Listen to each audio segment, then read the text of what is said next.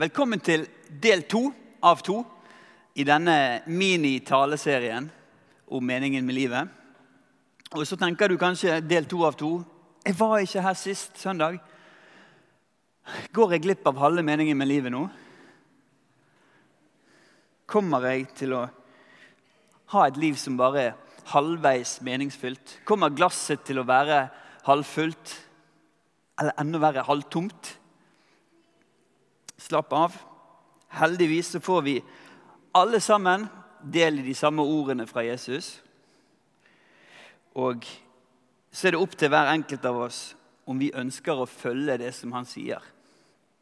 Om vi ønsker å leve etter befalingene til Jesus. Vi har alle fått utdelt en fri vilje til å ta imot det Jesus sier, eller avvise det. Det er jo et litt større spørsmål egentlig, det der med fri vilje. da, Om vi mennesker har en helt fri vilje eller ikke. Jeg vet ikke hvordan det er for dere kvinner. Men for oss som er menn, så er det mange som strever med sin frie vilje. For hvis en mann spør sin kvinne er det greit at jeg drar ut med guttene i kveld og ser på kampen, eh, så kan du få til svar det velger du selv. Det kan jo høres ut som fri vilje ikke sant? på overflaten. Eller du kan få et enda verre svar. Du bestemmer. Gjør det du syns er best. For et utrent manneøre så høres det ut som om mannen har fri vilje. Men den som har vært gift en uke, vet at det ikke alltid er så lett. Det var en ung mann som skulle gifte seg, og så satt han og forloveden på prestens kontor, der de snakket om bryllupet og om eh, ekteskapet. Og så drev de med papirarbeidet som måtte gjøres. Og så tenkte ikke han over det, men han satt og leste høyt alle spørsmålene som han måtte krysse av på i dette skjemaet som han fyller ut. Og så når han sa 'Jeg erklærer på ære og samvittighet at jeg inngår dette ekteskapet frivillig', så kom det fra siden 'Der krysser du ja'. Gjør det du syns er best. Vi har mange valg i livene våre hver dag. Det er mye vi kan gjøre eller la være å gjøre. Og i våre dagligdagse forhold til våre medmennesker så har vi en fri vilje til å handle sånn som vi syns er best. Så hva er det Jesus sier vi skal gjøre? Hvilken veiledning får vi av Jesus? Skal vi dra ut i kveld og se kampen med gutta eller ikke? Han sier ikke noe konkret om det. Men en liten oppsummering fra forrige søndag det skal vi ta. Først og fremst det Jesus sier om dette, fra Matteus kapittel 22. Da fariseerne hørte at Jesus hadde stoppet munnen på sadukeerne, kom de sammen, og en av dem, en lovkyndig, spurte for å sette ham på prøve. Mester, hvilket bud er det største i loven? Han svarte. Du skal elske Herren din Gud av hele ditt hjerte og av hele din sjel og av all din forstand. Dette er det største og første budet. Men det andre er like stort. Du skal elske de neste som deg selv. På dette hviler loven og profetene. Sånn svarer Jesus på spørsmålet om hva som er meningen med livet. Meningen med livet oppsummert i en kort setning det er du skal elske Gud, og du skal elske menneskene rundt deg. De neste som deg selv. Og Det å elske sin neste som deg selv, det er et ganske radikalt bud. På, på begge betydninger av ordet radikalt. For radikalt kan jo forstås som at 'det der var radikalt, mann'. Radikalt, altså. Og så betyr jo ordet radikalt det kommer jo av det latinske 'radix', som betyr rot eller røtter. Og Dette er et bud som kutter inn til røttene i livet vårt. Og avslører hva som ligger der på dypet av hjertene våre. Det er ikke alt vi oppdager på dypet av hjertene våre som vi er fornøyd med, og som vi ønsker å vise fram. Ofte så får vi oppfordringen du må følge hjertet ditt. Og det er som regel godt ment. Det vi mener når vi sier til andre at du må følge hjertet ditt, det er jo det at du må gjøre det du syns er best. Og Mange ganger så er det et godt råd å få høre at du må følge hjertet ditt, for det er ikke alltid vi har mot til å gjøre det vi vet er riktig. Du kan trenge støtte og oppbakking fra venner i livet. Følg hjertet. Samtidig så kan det å følge hjertet det kan bli et globalt problem. Nå har ikke jeg eh, oppdatert statistikk sånn cirka, har jeg, men dette er ikke eksakte tall. Men tenk litt på dette utsagnet. For hver person i den vestlige verden som skal følge hjertet og leve ut drømmen sin, så trengs det fem personer i fattige land som ikke kan følge sitt hjerte og leve ut sin drøm. Husk, dette var ikke eksakt statistikk, så jeg vet ikke om tallet fem er det riktige. Men det er i hvert fall ikke bærekraftig for kloden hvis alle skal bare følge hjertet og leve etter drømmen sin. Spesielt ikke hvis drømmen er å bli rik av å legge ut bilder som influenser på Instagram. Vi trenger òg noe som heter for verdiskapning. Men tilbake til ordet radikal. For det betyr jo å gå til roten og Når vi skjærer inn til hjerteroten vår, så er det ikke alt som dukker opp, som er like pent. Det er ikke alt vi legger ut bilder av på Instagram. Og Det handler ikke bare om at det er feil lyssetting, eller at bildet må tas fra en annen vinkel.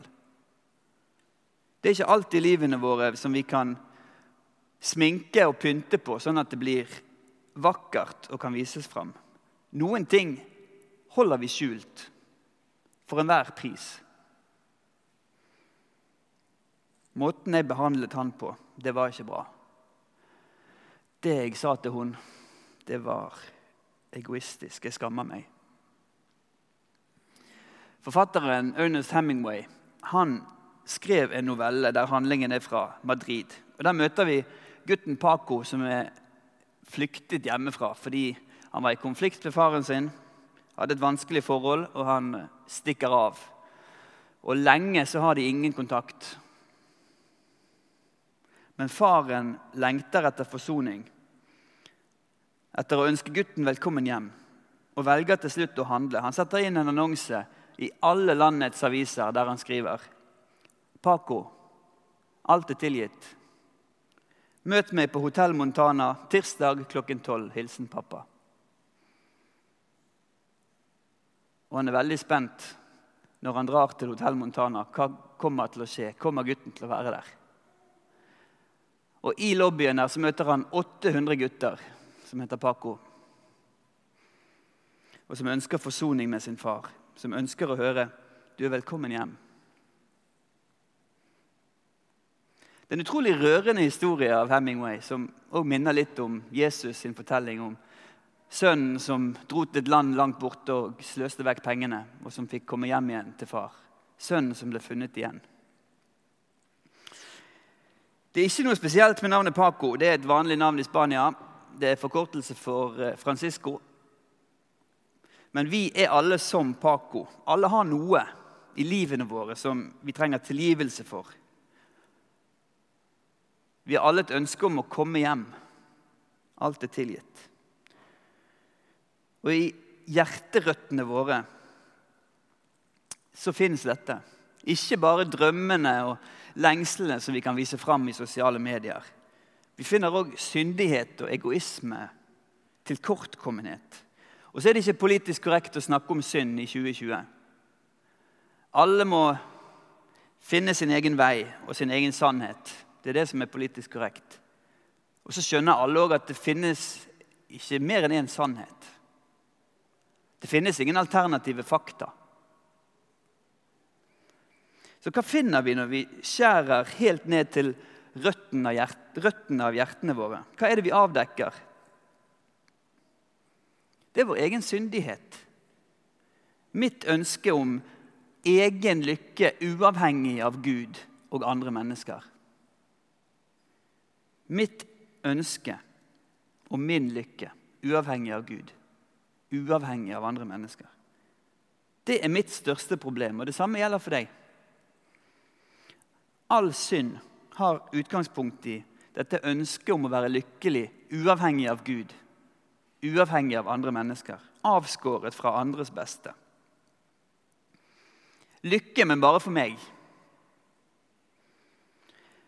Og Når Jesus sier at det største og første budet er å elske Gud og å elske andre mennesker, at det er like stort, så skjærer Jesus til røttene, og så avslører han vårt aller dypeste problem. Våre dypeste motiver. Han avslører synden vår og stoltheten vår. Det som får oss til å tro at vi klarer oss på egen hånd. Stoltheten på dypet av oss som sier at 'jeg har jo fri vilje'. Så hvis jeg bare følger hjertet, så vil alt bli bra, og alle vil bli fornøyd. Bortsett fra haterne. Sant? De som aldri blir fornøyd. De klarer jo ikke å gjøre blid. Så lurer vi oss til å tro at selvrealisering er meningen med livet. Og hva sier Jesus?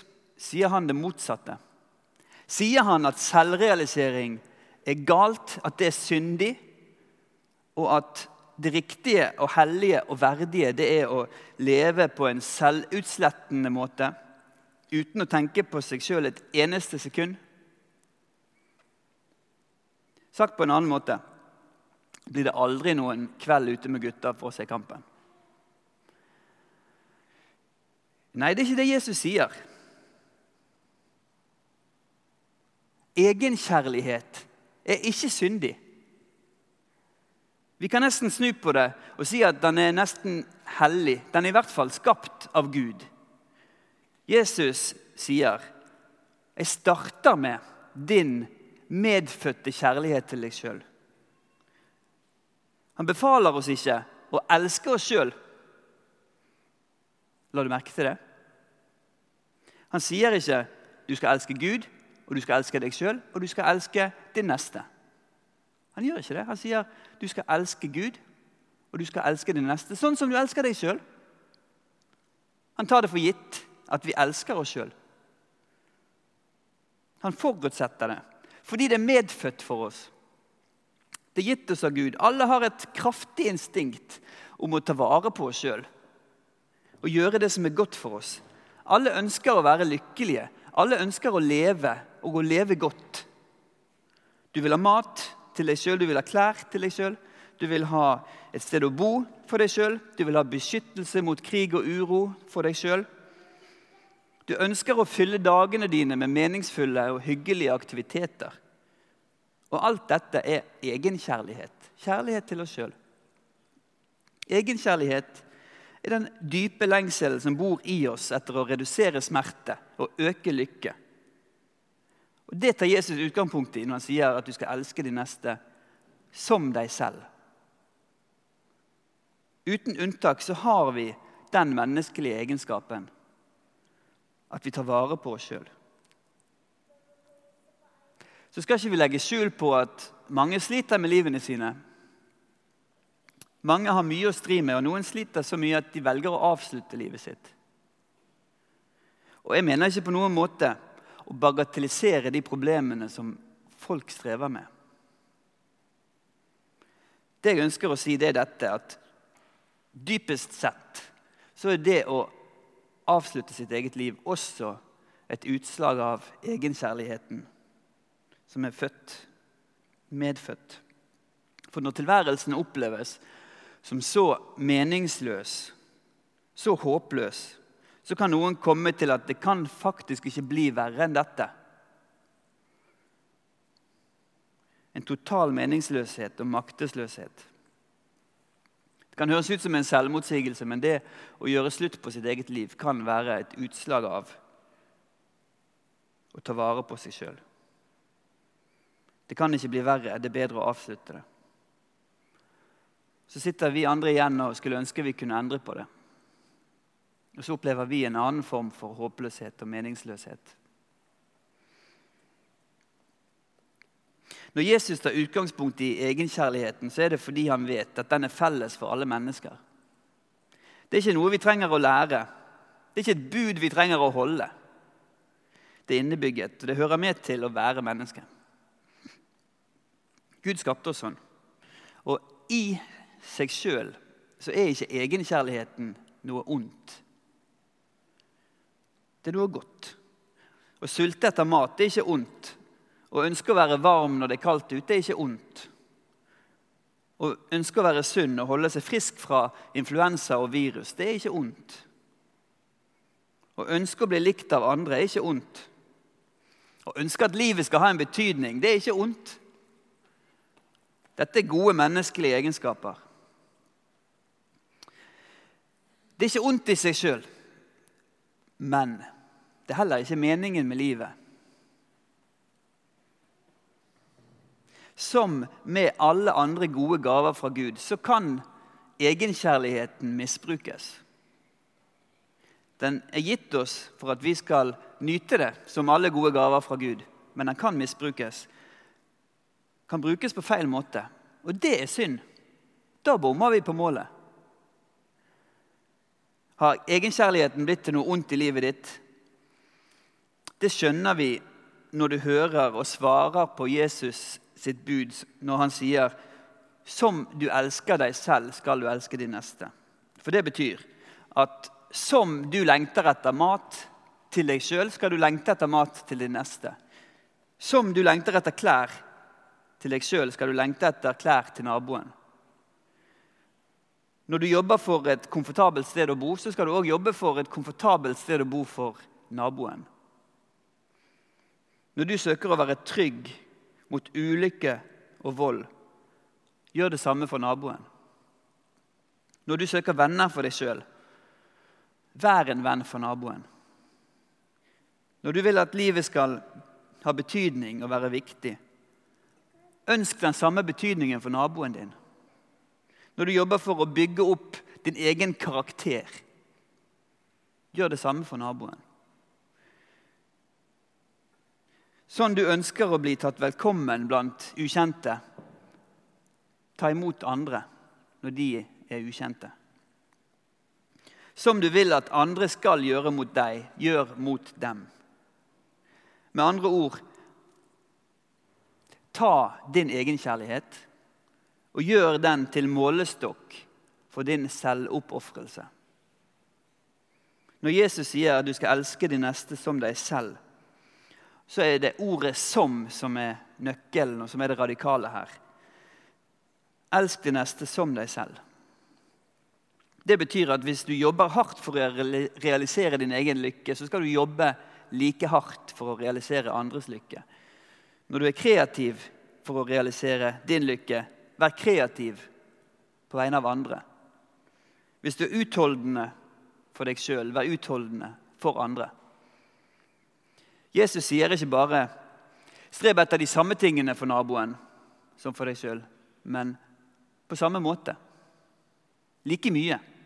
Like sterkt. Med den samme iver og energi og kreativitet og utholdenhet. Gjør din egenkjærlighet til målestokk for din selvoppofrelse. Det er overveldende. Det kan virke som om hvis vi skal ta Jesus helt på alvor, så må vi elske andre istedenfor å elske oss sjøl. Hvis vi frykter at hvis vi følger Jesus i dette her, virkelig arbeider for å realisere andres lykke, så vil vår egen lykke alltid komme i andre rekke.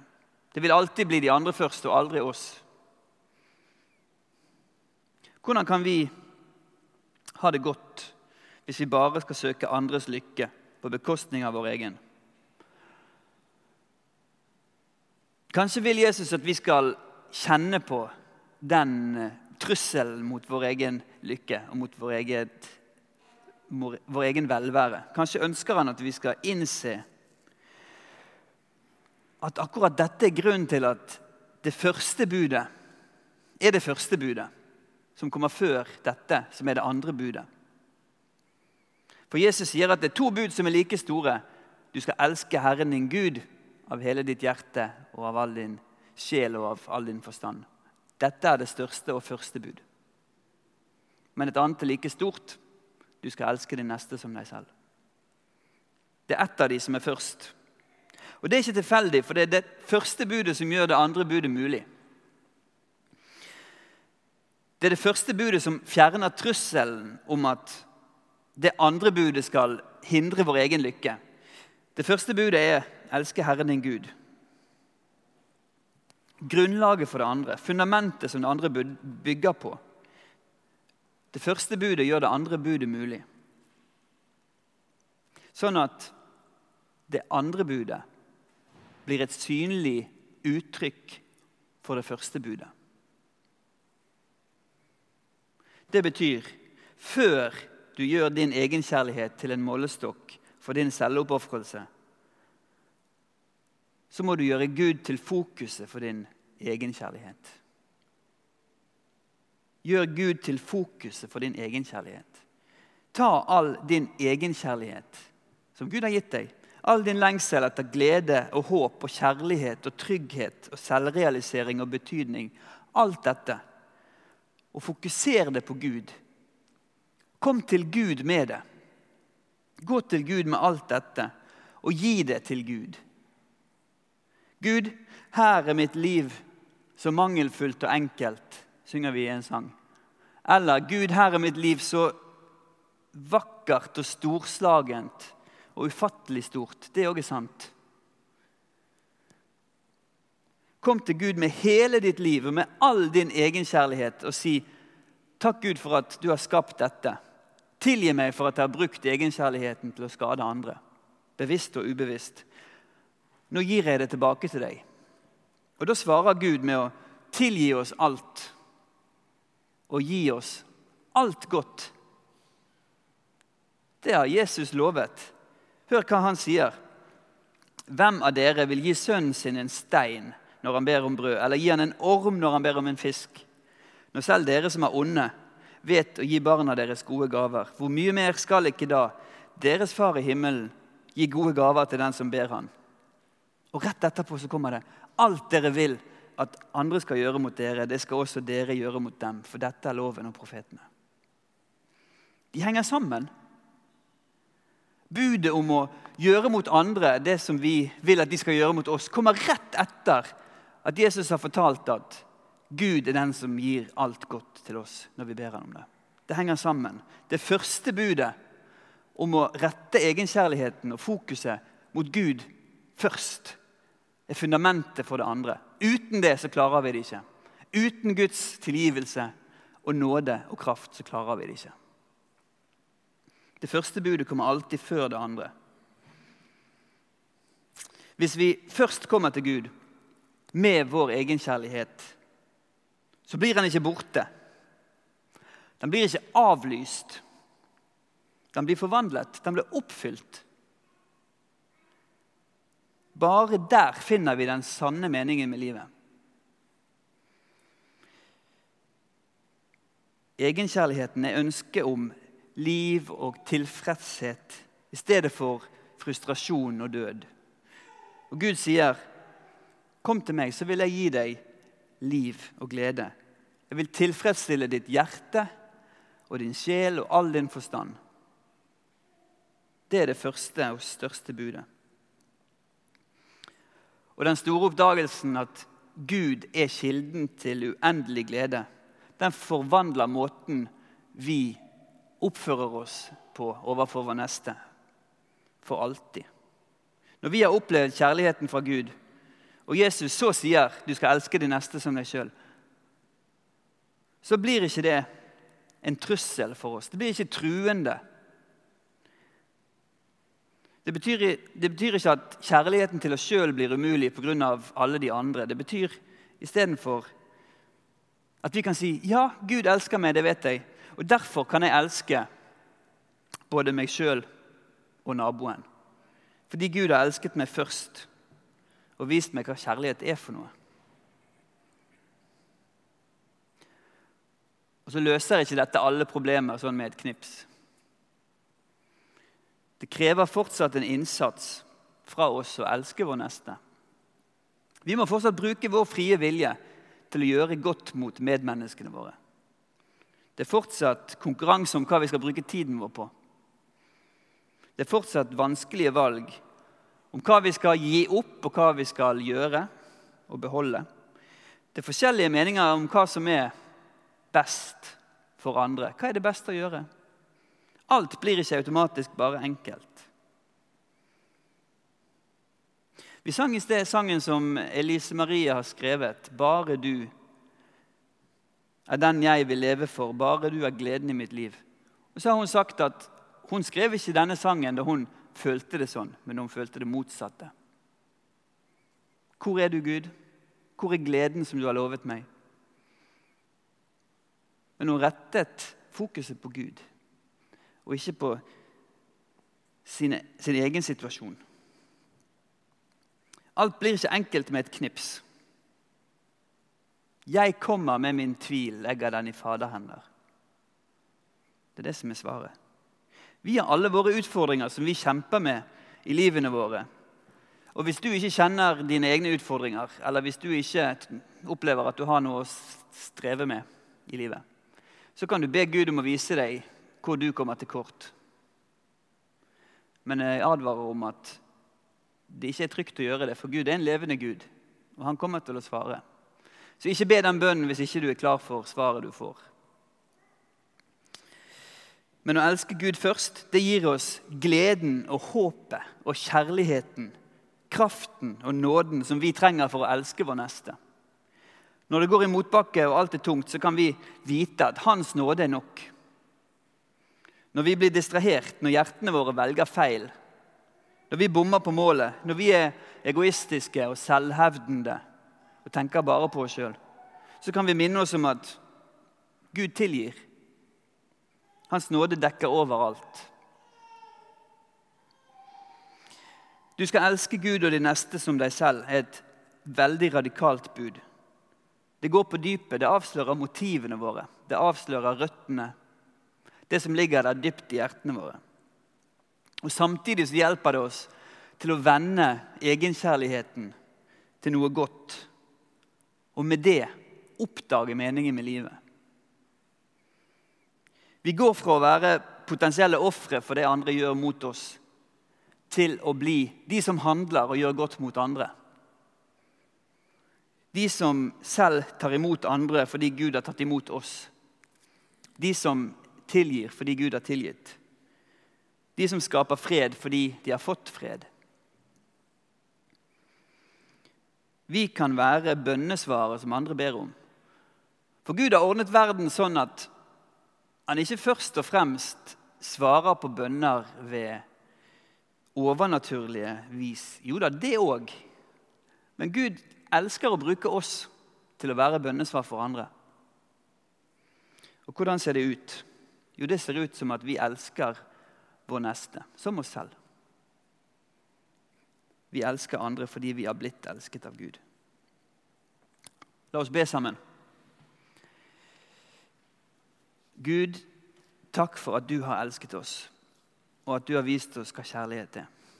Takk, Jesus, for at du valgte å bli født på vår jord, leve et liv her hos oss. At du valgte å dø for oss og stå opp for oss for å vinne oss tilbake til deg, Gud. Takk, Gud, for at du står med åpne armer og tar imot oss. Hvert enkelt menneske. Samme hvem vi er, hvor vi kommer fra, hva vi har gjort, hva vi har latt være å gjøre. Takk, Gud, for at du er så utrolig mye større enn vi klarer å fatte. Nå kommer vi til deg, og så ber vi om at du skal gi oss gleden og kraften og motet vi trenger for å elske vår neste, som oss sjøl. Amen.